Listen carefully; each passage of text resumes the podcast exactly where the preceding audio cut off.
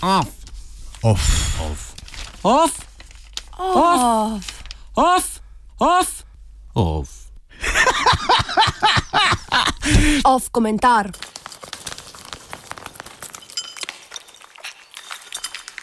Moramo se pogovoriti o Emanuelu.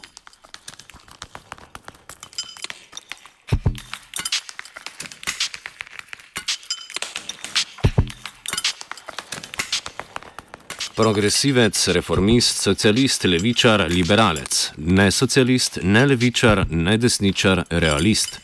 To so oznake, s katerimi je v preteklosti sebe označil zmagovalec prvega kroga predsedniških volitev v Franciji in najverjetnejši 25. predsednik Francije Emmanuel Macron.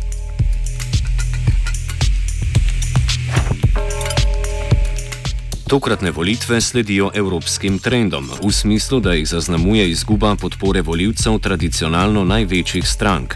Tako sta kandidata republikancev François Fillon in socialistov Benoit Hamon oba ostala brez uvrstitve v drugi krok. Tam se bo v navidezni ponovitvi scenarija izpred 15 let Macron pomeril s kandidatko desničarske nacionalne fronte Marine Le Pen. Če je verjeti anketam, ki so bile v prvem krogu natančne, se Macronu, kakor Žaku Širaku leta 2002, ko se je pomeril z Jean-Marie Le Penom, obeta prepričljiva zmaga.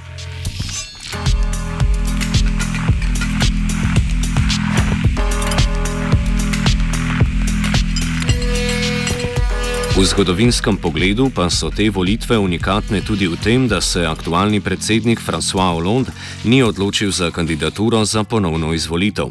Razumljiva poteza, glede na rekordno nizko priljubljenost v francoski javnosti.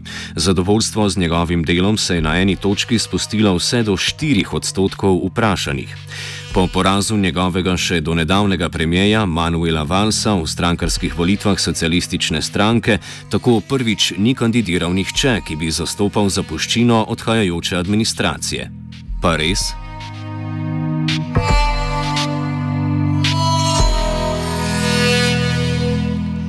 Emmanuel Macron res da prvič v življenju kandidira za politično funkcijo, a označiti ga za novinca ali pa kar outsiderja je smešno. Macron je v drugi vladi omenjenega Valsa preživel 24 mesecev kot ministr za ekonomijo, industrijo in digitalne zadeve, še prej pa je deloval kot ekonomski svetovalec Olonda. V času ministrovanja si je Macron celo prislužil zakon poimenovan po njem, Loi Macron. Na vides manj pomemben zakon, ki je sprostil omejitve glede nedeljskega dela, razkriva Macronovo agendo. Ta je zasnovana na trgu prijaznih ukrepih liberalizacije in fleksibilizacije trga dela, posebljenih v lani sprejetem zakonu o delu, Loi El Komri, poimenovan po njegovi kolegici, ministrici za delo Mirjam El Komri, pri izdelavi katerega je pa imel vlogo tudi sam.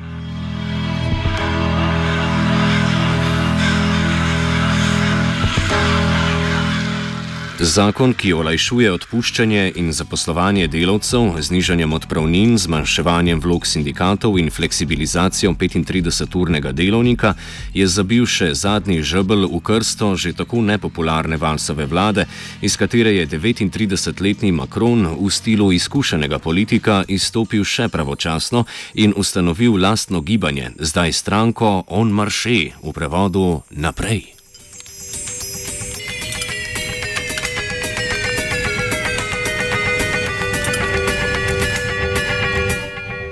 Emmanuel Macron je predstavnik politike odhajajočega predsednika. Medtem ko se je Hollande skrival za rdečo barvo in imenom socialistične stranke, se Macron skriva za preseganjem političnih delitev na levo in desno ter besedami o progresivnosti njegove politike. V tem smislu prevzema taktiko iz časa, ko je deloval kot glavni poročevalec za tako imenovano Komisijo za sprostitev rasti Francije v času predsednika Nikolasa Sarkozija, ki je kot uradno apolitično, neodvisno in strokovno telo zagovarjalo ukrepe, katerih cilj je bil jasno ekonomsko naravnan v smeri uničevanja socialne države.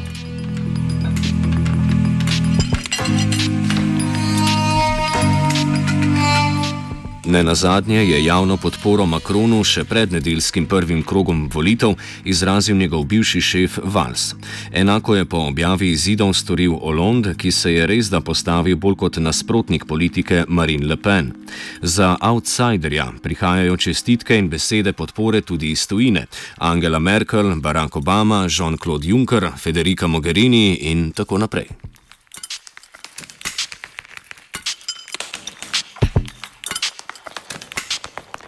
Z perspektive podpornikov Le Pen Macron deluje kot popoln stereotip, a ne povejte tega njemu.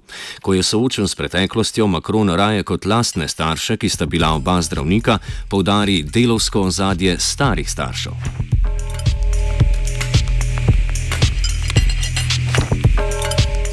Učenec privatne šole v rojstnem Amjenu, dijak elitne gimnazije Henri IV. v Parizu in diplomant Ecole Nationale d'Administration v Štrasburu, ki jo je v povprečju obiskovala kar tretjina kabineta vsake francoske vlade od 60-ih dalje. Po delu že omenjeni komisiji za sprostitev rasti se je pridružil bančni podružnici Rothschild Company, preden se je dokončno spustil v politiko.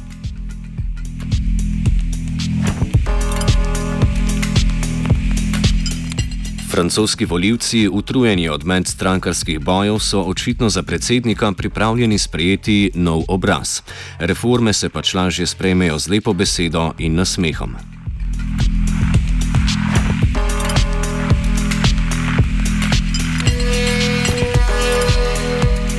V tem smislu se je obema finalistoma uspelo oddaljiti od nepopularne politike, katere del sta bila sama. Marine Le Pen je z včerajšnjim odstopom z mesta predsednice nacionalne fronte naredila dokončen simboličen res politiko svojega očeta, ki je bil znan po rasističnih in antisemitskih stališčih. Ko se je ta 15 let nazaj uvrstil v drugi krok, so na ulicah protestirale množice, tokrat le peščica. Emmanuel Macron na drugi strani pa se je skozi spretno kampanjo uspel prepričati medije in javnost o inovativnosti njegove politike. 89,3 ej, stara frekvenca, k gate para. Komentiral je Antun.